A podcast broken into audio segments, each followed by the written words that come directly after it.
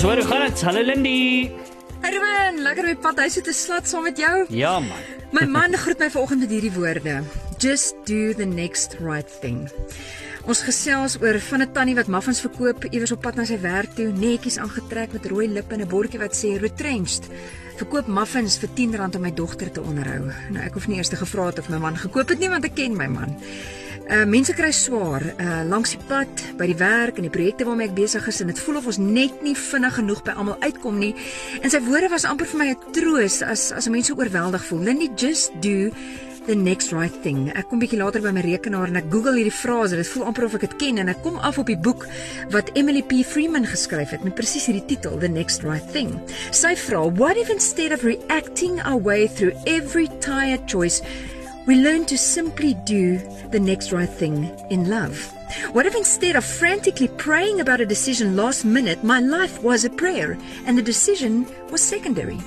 You can create space for your soul to breathe so that you can live life with God at a gentle pace and do your next right thing in love. Nou ek het nog glad nie hierdie boek gelees nie, maar dit maak onmiddellik vir my sin want in my eie lewe weet ek dat dit juis is wanneer ons lewens gejaag en geklatter is dat ons sukkel om die volgende regte besluit te neem. So ek hou van daai gentle pace and just do the next right thing in love. Nou, hm.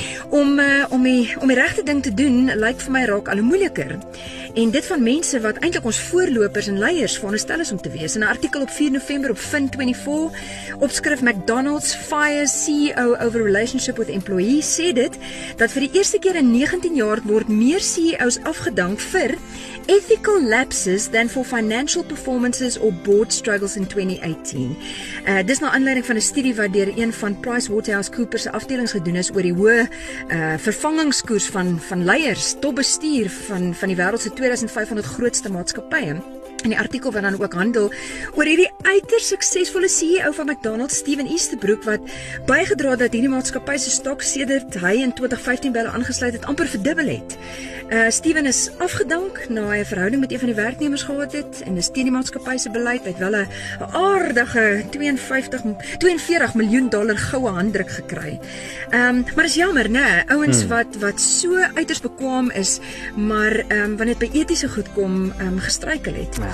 Om die volgende regte ding te doen is is nie so maklik nie en dit lyk my dit raak al hoe moeiliker, maar dit is so nodig. En al is ek en jy nie aan die stuur van 'n land, aan die stuur van 'n rugby span, 'n maatskappy of selfs ons eie klein besigheidjie nie, kan ons nie toelaat dat ons integriteit die almal doen dit maar so standaard volg nie. Um, ek dink dis ons daaglikse wandel met God, 'n right gentle pace with God, waar ons ook groei in ons wysheid van God en om te weet wat sy wil is en wat hy van ons vra en wat daardie regte volgende ding is om te doen. Hmm. Een na die volgende regte ding, regte besluit, regte projek bou, een na die ander op mekaar en dan voel jy soms jy kom nie voor nie, vorder ons tog een regte ding op 'n slag. My naam is Lindi Strydom en was jou sladdiepad inspirasie net hier op Groot FM 90.5.